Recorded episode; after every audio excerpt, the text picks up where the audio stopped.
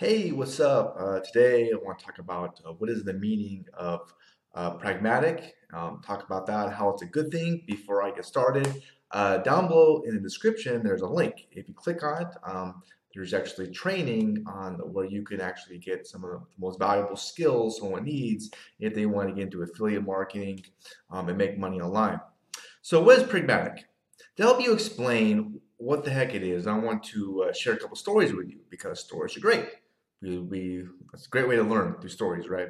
I, I think. I feel like a little kid. so in 1915, deep in the jungle of South America, two rival fruit companies came to an epic, huge clash. Um, well, each of them desperately wanted to own the same 5,000 acres of land, very valuable land, so they could grow their fruit. Uh, the problem was two different uh, locals claimed to own the land. So what do they do? Well, one company was big and powerful, and they dispatched a team of very high-powered lawyers to, to search every file and to find out who in the hell the damn uh, owner was so they could buy this land. That was their strategy. Um, the other company uh, was very small, didn't have all that much money and leverage. So what the, the second company did was go to each owner and just buy the damn land. So there you go. Who won? Yeah, the person who went and bought both lands. Uh, sure, he paid twice uh, twice as much, but you know it was over. He got the lands. He won. So here's another example. One more story too about what pragmatic, what, what being pragmatic really means. Um, the, owner of this fruit company, the same one who owned the land, uh, this, this small fruit company, uh, his land was on one side of this river, and on the other side of the river was a railroad track, train, so that he could, you know, take his fruit to and sell it. Um, and he couldn't build a bridge from his land where he grew it to the train. Uh, why? Well, because his competitors bribed government officials to make building a bridge illegal. So he couldn't do it. So did he quit? Did he do? No, what he did was he built two very long piers, two piers, and in between them he created a temporary pontoon that could be assembled and deployed within like, you know, a matter of hours to connect them to and make this temporary bridge. So when, you know, lawyers came out, they're like, that's not a bridge. It's just two long piers. So the goal was to move fruit across the river. It didn't matter how we did it. It didn't matter if it was a bridge, a pontoon, a sub- submarine, who knows? But the, that was the point. Just like the first story, uh, and the goal was to be the owner of the land, not find who the rightful owner was. Um, so I guess the whole lesson is is to adapt. You can't always deploy the tactic that you learn in school or whatever. You adapt to the situation. Mike Tyson had a famous saying that everyone has a plan until they get punched in the face and they have to adapt. Um, so adapting is a hugely valuable thing, uh, a skill to.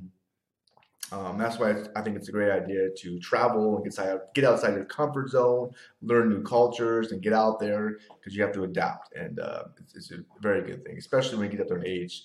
You see some people that are. Uh, There's some people. I know this one guy.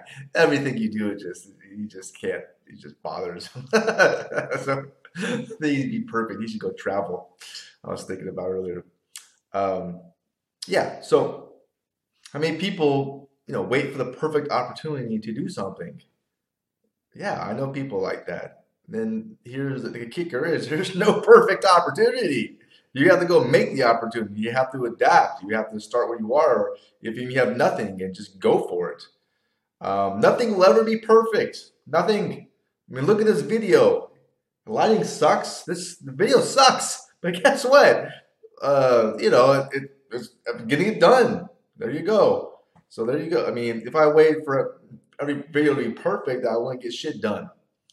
Uh, so being practical is working with what you have and you know testing ideas by you know doing it and screwing up um, instead of theorizing whether something will work or whether it don't work because you don't know in some situations you have to just try it And that's where failure comes into play. One of my favorite sayings when it comes to marketing is you fire first and you aim second. Uh, you do it um, and you have to learn as you go. I'm sure you're always getting ideas, but you have to test them out. And that, to me, that's the fun part. Um, so that's interesting about that too. Um, anyways, I uh, hope you got some value from this uh, video, or if you listened to a podcast from this podcast form.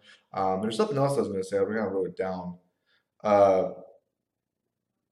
I'm just drawing a blank though. Um, oh yeah, the other thing I was saying is, yeah, it's good to work on improv. It really is.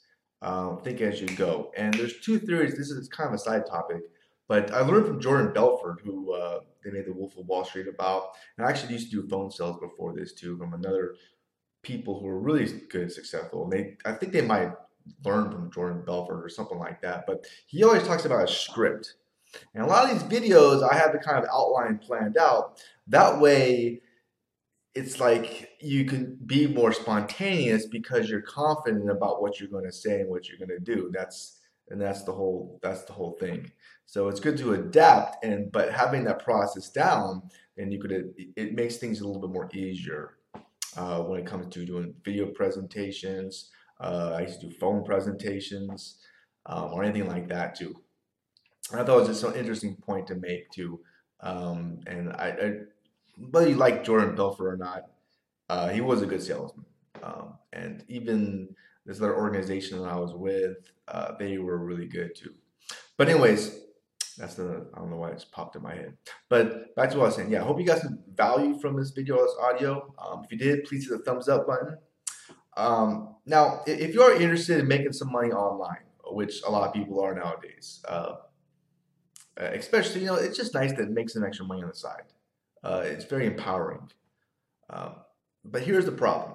I, have been in internet marketing for a hugely long time. And a quick story about myself is, I, I used to have a YouTube, my old YouTube channel had millions of views. I'm not shitting you. And I barely made any money because I didn't know what I was doing. So you have to know what you're doing to make money, okay? Um, and it really comes down to sales Believe it or not, it does. It doesn't matter how many views you get if you don't sell shit. Um, and here's another kicker. There's a lot of money you can make after that first sale if you know what you're doing.